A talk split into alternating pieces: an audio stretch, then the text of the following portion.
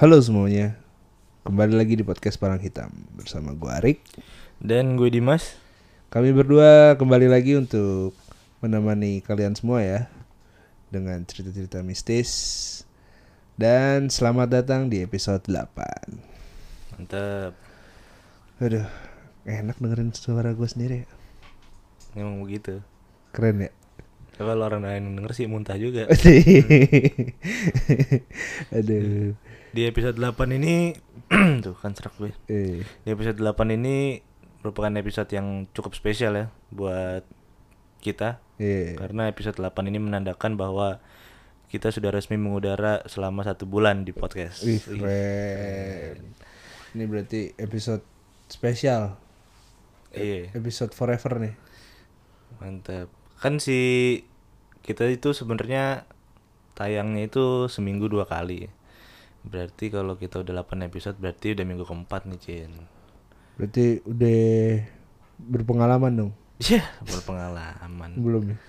Kalau misalkan ini udah bisa taruh di CV Pio. Iya. Satu bulan jadi podcaster. Keren. Sebenarnya di episode 8 ini juga memiliki arti ini everlasting ya. Plastik. Plastik. Gak ada putus-putusnya. Nggak ada putus-putus. Semoga episode ini membawa hoki kali ya. Amin. Membawa jodoh. Ya, Amin. orang mau bawa rezeki Oh iya, rezeki juga. juga. Amin. Rezeki dulu baru jodoh ya. Benar. Benar. Gitu. Gimana kalian? Sehat nggak kabarnya nih? Mas Bajin sehat ya? Alhamdulillah retak. Retak nih. Mm-mm. Gimana Mas Pio? Sehat sehat aja saya. Ya, sehat lah. Hmm. Rebahan mulu mas sehat. Ya, sebenarnya di episode 8 ini kita masih sama sih segmennya. Masih apa? masih membahas seputar cerita horor. Cuman mungkin kita akan menceritakan sedikit kali ya dari perjuangan kita di podcast. Wih, perjuangan nih. Kalau dihitung perjuangan mas sebenarnya apa namanya bisa karena biasa. Ih keren nih, keren tumben nih si Bacin ngomong begini, tumben habis makan singkong kayak di Bacin nih. Iya awal dari apa namanya kan perbincangan malam ya kan. Perbincangan malam. Mm-mm. Dan memberanikan diri ujung-ujungnya untuk membeli apa mixer ya. Iya peralatan-peralatan podcast lah. Iya kalau nggak ada itu nggak jalan. Mm, Karena gue orang tuh yang proper gitu loh. Iya benar. Anjir, keren nih gue. Merupakan salah satu keputusan yang cukup berat waktu itu ya untuk beli apa Berat. enggak nih. Berat. Karena kalau gue sendiri pun mikirnya ya bisa aja bikin podcast tanpa alat-alat kayak apa yang namanya mixer ataupun mic gitu ya. Standing mic. Eh, pakai HP aja bisa gitu kan. Tapi si Bacin apa namanya menggebu-gebu tuh. Iya. Gue pengen ada alat katanya. Siap. Iya, biar kayak langsung ini aja podcast mas gitu. Iya. Wah, enggak ya. iya, kayak podcast podcast yang ada di chart-chart atas lah gitu Hmm. kan. Siapa Ngomong. tahu siapa tahu kita bisa ikut nimbrung kan. Iya, nggak ada yang tahu kan. Gitu. Si tahu dah gua ininya apa? Gearnya podcast mas anjing. anjing. Aduh. Ya, kita sih sebenarnya awalnya ini ya, apa namanya? Bingung mau ngambil Tema apa? ya? iya, kategori apa nih gitu Iya, kan. karena bocahnya doyan guyu. Heeh. Jadi sebenarnya podcast kita ini adalah podcast yang podcast komedi dibungkus dengan horor sebenarnya. Bukan horor dibungkus dengan komedi tuh. Oh iya. Yang bocahnya doyan ini bercandain setan. Iya. Iya. Kuat kali ini.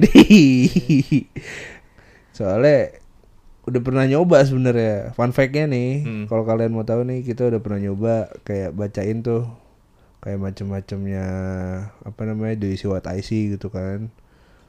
Eh dia mah langsung orang ya? Kalau diisi what I see ya? Goblok. Goblok nggak nggak nggak maksud gua kayak podcast podcast horor lainnya gitu bacain cerita orang tuh dengan yang serius jadi ketika malam itu ah nggak bisa kita ya Yang Gak bisa, ter- nggak bisa terlalu serius ya. iya cuman kalau dari hubungan serius bisa Iya. Ini orang dari tadi nyari jodoh. ada ya maksud gua eh karena kita menyadari passion kita di situ bukan ke passion sih sebenarnya sih emang apa ya namanya Yang pembawa bisa, yang bisa ditonjolin yang sih. bisa tonjolin itu doang sih nggak soalnya kalau misalkan apa namanya dikasih yang horor terus kagak seremnya kagak dapet gitu kan Hmm. kalau misalkan mau ditonjolin yang apa namanya eh guyunya doang harus ada bahan gitu kan Hmm. Ya udahlah kita gabungin aja akhirnya gitu kan jadilah podcast palang hitam Keren. gitu Oke, jadi segitu aja. apa Kurang segitu lebih aja? garis besarnya. Oh iya benar gitu aja gue kira udahan gue podcast Ih, baru baru berapa menit udah udahan aja loh Itu garis besar terbentuknya podcast Palang Hitam ya. Iya Edisi selebrasi satu bulan tuh. Satu Iya. bulan Ntar dua bulan udah lagi Tiga bulan udah lagi Empat bulan Lima bulan Jangan suka begitu. Nanti Apa? bingung mau bikin apa. Iya nggak pokoknya Tungguin aja Ada episode-episode yang Bakal spesial ke depannya. Insya Allah Kalau kalian berminat Karena kita juga bakalan ini Cin sebenarnya ada bakalan ada segmen dari podcast Palang Hitam. Apa tuh Namanya Pangling.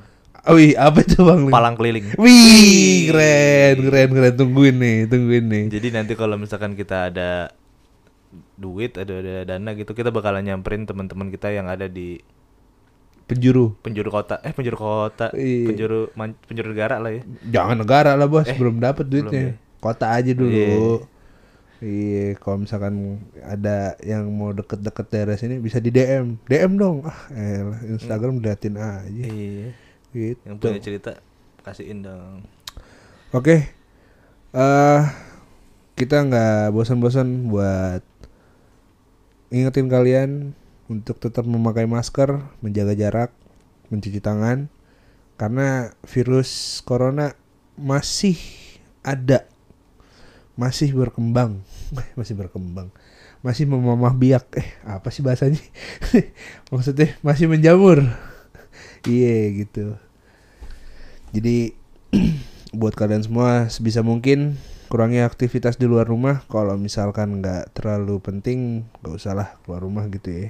Bener, karena kita juga baru-baru ini baca berita katanya vaksin corona itu sudah sebentar lagi ditemukan. gitu. Vaksin merah putih. Vaksin merah putih katanya bakalan beredar harganya 200 ribu per dosis kalau nggak salah baca. Kalau nggak salah baca. Gitu. Oke, lanjut cerita pertama Mas Dim. Oke, cerita pertama gue dulu ya. Iya dong, segua. Cerita pertama ini adalah cerita yang dikirimkan oleh Anonymous. Lagi-lagi Oh, ini mungkin sama kayak anonimus kemarin bukan? Beda lagi. nggak tahu kan namanya Anonymous. Apa emang nama di KTP-nya anonimus? Ya. Di Ngeri-ngerinya namanya si Tukimin nih Cin. Tukimin kalau misalkan cewek tuki jam. Tukijem. Iya. Oke, jadi gini ceritanya. Malam Kak Dimas dan Kak Arik. Selamat malam. Selamat malam. Semoga kabarnya baik ya. Alhamdulillah. Oke, alhamdulillah. Kamu juga ya. Gua mau cerita nih pengalaman mistis yang cukup sedih. Kejadian ini pas gue masih ada di bangku SD, sekitaran kelas 4 atau 5 gitulah. Jadi waktu itu posisi gua masih di sekolah dan gue lagi belajar di kelas. Tiba-tiba gue disuruh keluar kelas sama bu guru. Ternyata orang tua gue tuh ngejemput karena mereka dapat kabar dari kampung kalau Mbah Uti itu meninggal. Mbah Uti nenek ya. Iya, innalillahi. Innalillahi. Akhirnya gue lekas berpulang lah dari sekolah ke rumah. Dan tanpa banyak persiapan, gue dan sekeluarga langsung aja tuh pulang kampung. Karena kita nggak ada persiapan, nggak sempat booking kereta ataupun pesawat, jadi akhirnya kita naik mobil. Oh iya, tepatnya kampung gue itu ada di Kebumen. Eh, Duh. Republik Ngapak nih bro. Aduh. Ada orang apa orang kepena. Aduh. Astagfirullah ketawa kepi. mulu. Ya. Aduh, Jadi ingat tukang ketoprak gue itu. Aduh. Oke. Jadi kami sekeluarga beranggotakan lima orang. Ada ayah, ada ibu, ada kakak, gue dan adik gue. Kakak gue itu cewek dan adik gue cowok. Singkat cerita, setelah em, dua atau tiga hari kita melayat Mbak Uti tadi akhirnya kan meninggal tuh. Nah kita berencana untuk sekalian ya liburan pendek itulah mumpung udah di Kebumen. Hmm. sebenarnya rada gimana gitu ya karena kan Mbak Uti gue meninggal tapi gue malah liburan. Gitu. Mungkin buat ini juga kali biar nggak terus bersedih kali iya gitu ya. betul menghilangi rasa berduka Mm, benar. Jadi gue berencana lah untuk ke Candi Borobudur. Sesampainya gue di Borobudur, ya biasalah. Kami muter-muter di dalamnya, lihat-lihat candi. Karena adik gue masih batita, jadi dia selalu digendong sama ayah dan ibu gue. Gue, kakak, dan Mbak Tiwi jalan masing-masing deh tuh mencar kami ngeliatin relief-reliefnya, foto-foto dan segala macem lah.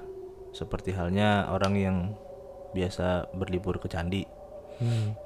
Sampai akhirnya kami tiba di Borobudur tingkat Rupadatu. Wih, mana tuh gua nggak hafal tuh tingkatannya. iya sama Nah, di tingkat ini arca Buddha diletakkan dalam stupa-stupa berterawang atau berlubang. oh kayak gue tahu nih Iya, yang iya, iya. kalau kena Yang kita bisa kan. megang, yang Iya, kita bisa iya, megang iya. budanya. Hmm. dan bentuk tingkatannya itu melingkar. Oke, gue bayang nih. Pas kami sampai di salah satu stupa, kami dengerin nih penjelasan dari tour guide bahwa mitosnya apabila bisa memegang arca Buddha yang ada dalam stupa, maka keinginannya bisa terwujud. Nah, kan kata gue juga. Iya, Iya, itu. tahu gue Semua juga tahu kali ya. iya Stupa yang dekat kami itu pun rame dikerebutin orang-orang yang pengen bisa megang arca Buddha. Gue sendiri sih takut ya untuk megangnya karena posisi stupa itu di pinggir banget. Bisa-bisa jatuh ke lantai paling bawah. Dan tingginya itu hampir 1 sampai 2 meter atau mungkin lebih. Dari posisi apa namanya? tebing yang ada arca stupanya itu tadi ke bawah tuh katanya sekitaran 1-2 meter iya, patah tulang lah kalau jatuh mah iya minimal Cimande cacat lah Wah.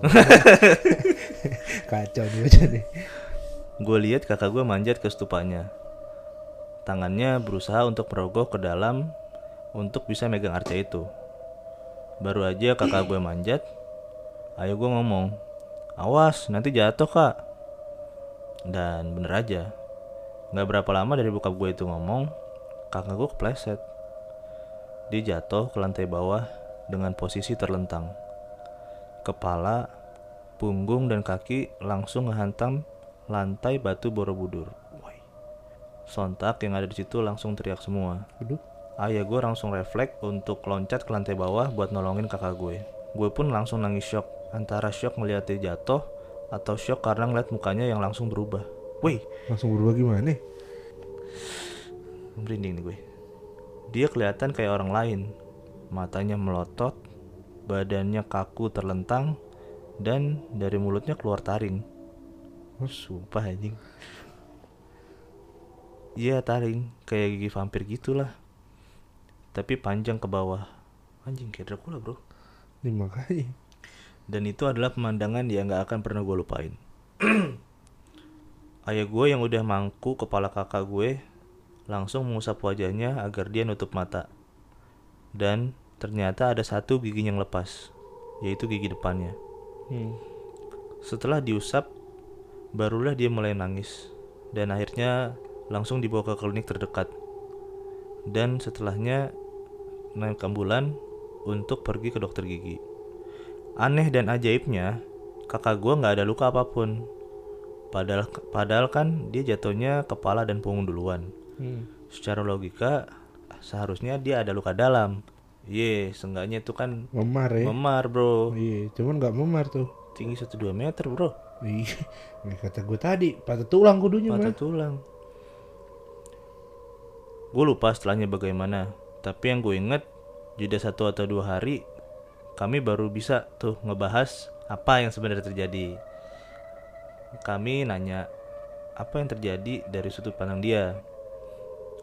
Nah, kakaknya nih cerita kalau sebenarnya pas dia nyoba megang arca dan pas ayah gue bilang awas nanti jatuh ya yang tadi itu kebayang ya Hmm. dia ngerasa kalau ada yang dorong dia padahal aslinya tuh nggak ada pas dia jatuh dia nggak ngerasa sakit sama sekali dia bilang ada mbak uti gue yang mangku dia dan ngelus-ngelus kepalanya. Waduh. dan dia lihat ada sosok tinggi besar lagi ngetawain sambil nunjuk-nunjuk ke dia. Persis di depan atasnya. Waduh. Ini relate tapi gimana ya? Hmm. selang beberapa waktu setelah foto filmnya udah dicuci kami lihat foto-foto selama di Borobudur. Benar aja ternyata muka kakak gue udah beda banget. Kelihatan kusut dan pucat. Dan di setiap foto itu nggak ada senyumnya sama sekali. Alhasil kakak gue udah trauma. Dan dia udah nggak mau ke Borobudur lagi sampai kapan pun. Well sekian cerita gue. Mohon maaf jika kepanjangan alurnya yang berbelit dan ceritanya yang kurang seram. Semoga bisa diambil hikmahnya. Kalau habis berduka jangan langsung jalan-jalan atau apa pun alasannya hargai yang sudah meninggal terima kasih kakak-kakak Wih. Ih, Gue merinding nih. Weh. Merinding gue. Wah, anjing banyak yang bisa dibahas sebenarnya, Bro. Bukan apa-apa yang merinding nge. Pas tadi ngomongin neneknya itu, neneknya mangku, wah merinding sampai sekarang. Eh, gue juga, Bro. Uh, bukan apa-apa sih. Wah, parah. Eh, kagak. Tapi nih, sebenarnya highlight pertamanya adalah Hmm. kenapa itu kakak mukanya bisa ada taringnya anjing. Itu dia. Kemasukan kali ya? Lah, berarti kalau misalkan kemasukan itu bisa merubah wujud kita ya? Ya gue nggak Nah, tahu ya. kan ya. Nggak tahu sih Sudut gue. pandang baru anjing ini asli dah. Set deh. Wah, ngaco anjing. Cuman ya kalau misalkan pas lagi jatuh neneknya ada di bawah nadahin kepalanya gitu ya. Menurut gua itu sih bisa aja karena kan belum 40 hari ya. Apa apalagi baru baru baru banget kemarin gitu kan meninggalnya. Cuman entah kenapa merinding tuh pas sudah tadi dibilangnya pala dipangku sama neneknya, di depannya ada makhluk besar gitu kan ngetawain. Wah. nggak yang makhluk besar aja nggak ngetawain aja gue serem. Ini udah makhluk besar ngetawain lagi kan. Bener juga sih. Apa mungkin lagi main kali? Mungkin. Wah, kagak tahu sih. Apa Kakaknya umur berapa ya? Iya, nggak maksud gue mungkin ada larangan kali ya kejadian Borobudur tuh nggak boleh habis main. Iya, biasanya emang kalau ke tempat-tempat sakral begitu mah pasti iya. nggak boleh, Bro. Iya sih, maksud gue cuman ya kalau dari foto awalnya aja emang kakaknya itu udah nggak ada Mm-mm. senyum. Berarti gitu. baru masuk ke kawasan Heeh, Candi dari- Borobudurnya. heeh, dia udah udah kayak diincer gitu kali ya. Anjir serem banget sih. Masalah masalahnya tunggu taring gitu kan. Tapi itu taring yang copot nggak nggak nggak nggak dibawa ya. Nggak jin oleh-oleh gitu maksudnya. Eh, jadiin kalung gitu. Wah, nggak tahu sih, Bro. Enggak ya. Nggak ngomong-ngomong dia. Tapi neneknya bisa nyamperin ke Borobudur ya. Ini namanya mungkin ini kali Pio. Apa namanya? Bonding, bonding. Bondingannya kuat kali. Nggak ada yang tahu sih gitu ya. Eh sama kayak temen om gue aja gitu. Hmm. yang cerita di episode sebelumnya kan ada juga tuh kan begitu datang tuh tiba-tiba. Ya mungkin kalau misalkan orang yang udah bondingannya kuat sama kita gitu ya terus dia meninggal ya ada ada rasa kewajiban untuk melindungi kali ya selama mereka masih bisa. Mungkin ya. Gue gue gua nggak tahu sih Mungkin kayak gitu Tapi ngeri loh Candi Borobudur, Bro, ini, Bro. Iya, udah udah udah ininya sakralnya tempat di tempat sakral lagi kan. Candi di Borobudur. diketahui sama penunggu situnya lagi kan. Waduh, untungnya gak kenapa-napa tuh. Gila sih. Tapi merinding bener sih pas cerita tadi gua. Gue juga pas yang merinding itu yang tadi pas scene nenek-neneknya itu yang lu bilang nenek-nenek apa neneknya dia Datang. dateng wah tuh gua sampai akhir tuh merinding tuh aduh Tapi kalau misalkan nggak tahu ya, gue cuman berbicara goblok-goblokan aja nih. ya. Heeh. Si neneknya itu bisa datang ke Candi Borobudur ya. Maksud gue kan Candi Borobudur itu tempat yang sakral, yang sakti gitu kan. Berarti jangan-jangan nenek sakti juga ya bisa diperbolehkan masuk ke kawasan gitu Candi Borobudur. Enggak ya? Ininya kali Pio. Tujuannya kali. Tujuannya kali ya? Heeh. ya kan kalau misalkan tujuannya baik kan mungkin yang di sana pun mengizinkan gitu kan. Hmm, ya nggak tahu sih. Namanya ngejaga ya. Iya.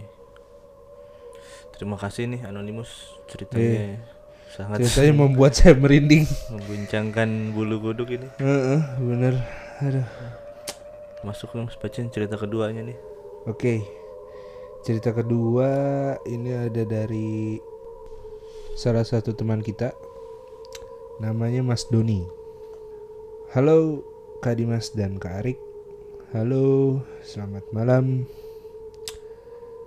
Ini cerita waktu gua SMP.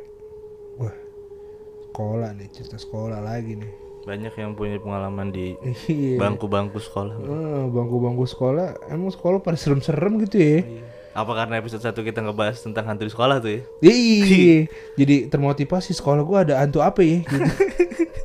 Nanti jangan, jangan begitulah, emang emang sekolah kita serem, cuman bagus loh RSBI. iya SBI Bekasi mah nggak ngaruh bro Enggak ngaruh ya, jangan malu-maluin Bekasi wih Oke, gini ceritanya. Dulu waktu gue SMP sempet bersekolah di salah satu SMP dengan bangunan Belanda. Waduh, sekolah di mana nih? Sekolah di mana nih? Iya, Se- sekolah cagar budaya nih. bangunan Belanda bro, buset. Oke oke oke. Di awal waktu keterima dengan senangnya cerita ke beberapa orang dan teman dekat. Dengan berbagai respon yang saya dapat, salah satu respon dari orang terdekat saya adalah sempat mengalami kejadian aneh walaupun bukan di dalam sekolah, melainkan masih di sekitaran sekolah tersebut.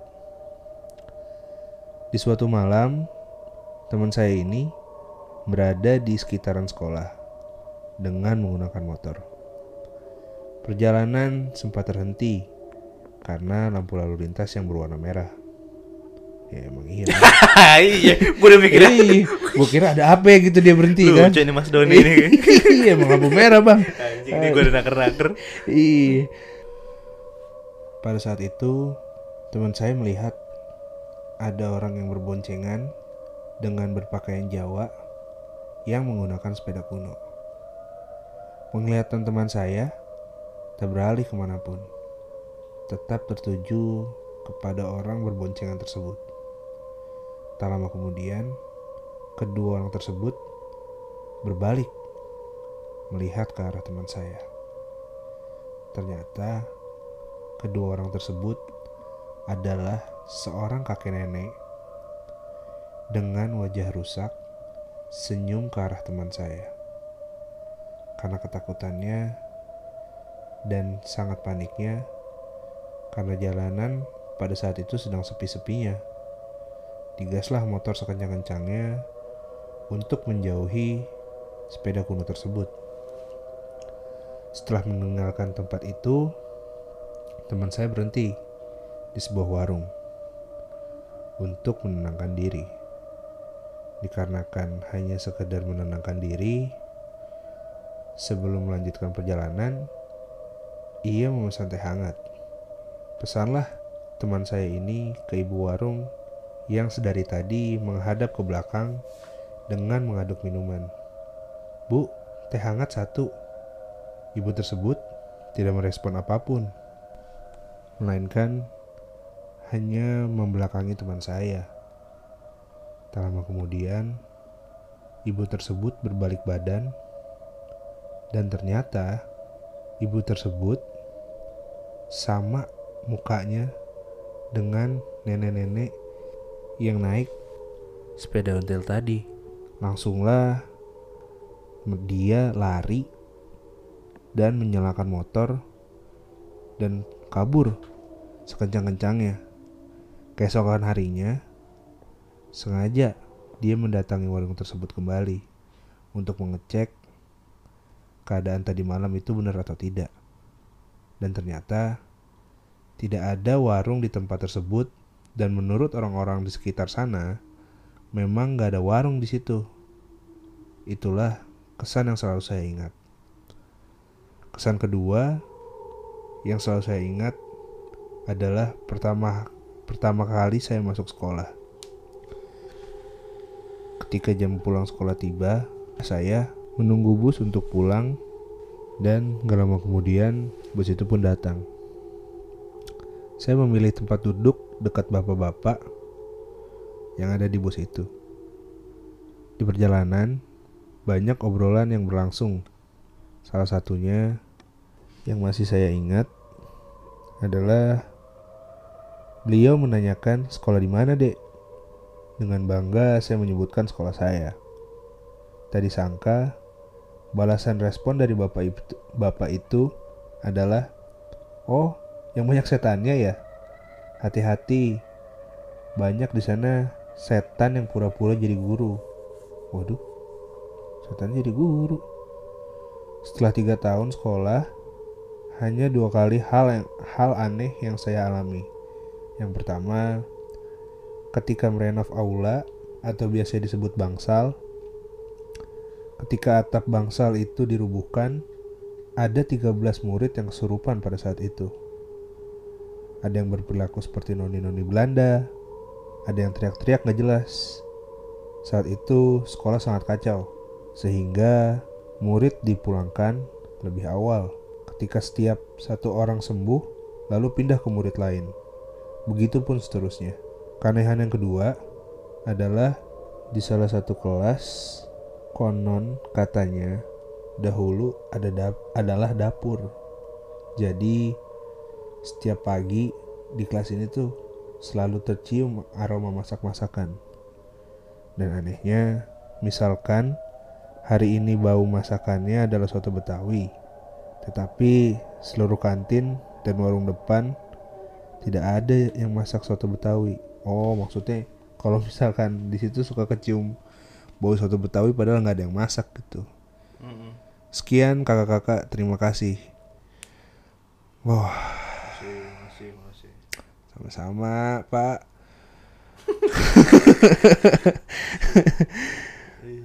Tapi serem juga berarti ya. Hantu di sekolah nih. Ya sebenarnya sih yang epic temennya sih. Gue pengen tahu ini sekolahnya di mana ya. Maksud gue sekolah kalau di Jakarta bangunan Belanda di mana Pio? Gak tahu pak. Kita kan Bekasi pak. Iya. Kalau di Bandung masih ada dah tuh.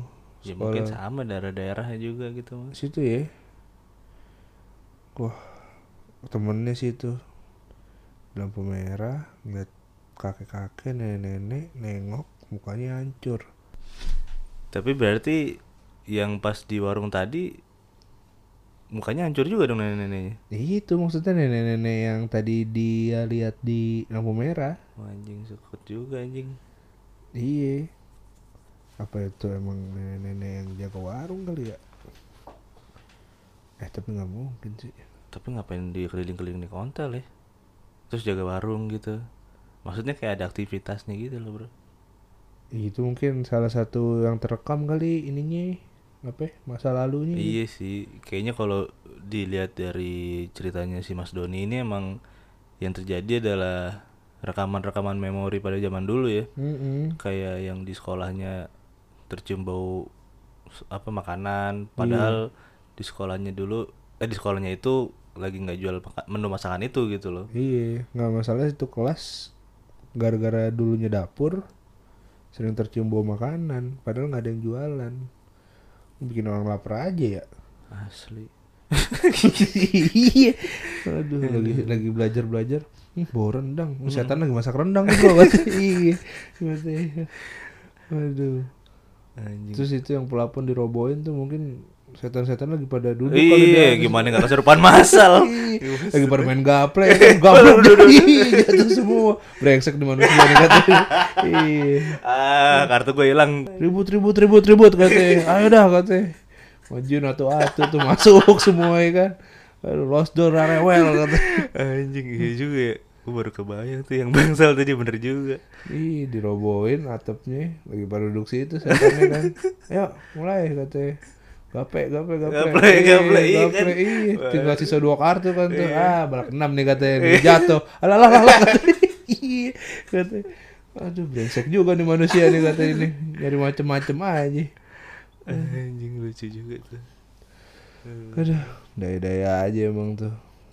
Tapi memang apa ya bangunan-bangunan tua tuh memang masih sangat lekat sih dengan peristiwa-peristiwa yang terekam di situ ya. Kalau gue lihat-lihat. Iya. Enggak, tapi menurut gue nih juga nih sekolahnya dari Jawa kali ya, gue rasa ya. Soalnya Hmm. kan tadi kan kakek-kakeknya digambarinnya sama nenek-neneknya itu naik Ontel. ontel, pakai baju adat Jawa. Hmm, Ya berarti pakai batik atau kemben gitu kali ya. mungkin mungkin tuh. Nengok, senyum, mukanya hancur. Kalau mukanya hancur aja males. Asli. Ini udah hancur, senyum lagi. Yang ngeri itu senyumnya tuh yang sampai tahu gak sih lo? Yang pernah lihat setan yang kayak di creepypasta gitu loh. Oh yang Yang- sampai kayak yang- Joker gitu ya. Iya, ah, gitu. Bete banget sih, parah. Tapi emang terkenal juga nih sama masyarakat sekitar bahwa sekolahannya itu emang angker. ya. Iya. Tapi Mas Doni nggak tahu nih. Sebenarnya anak sekolah mana nih Mas Doni?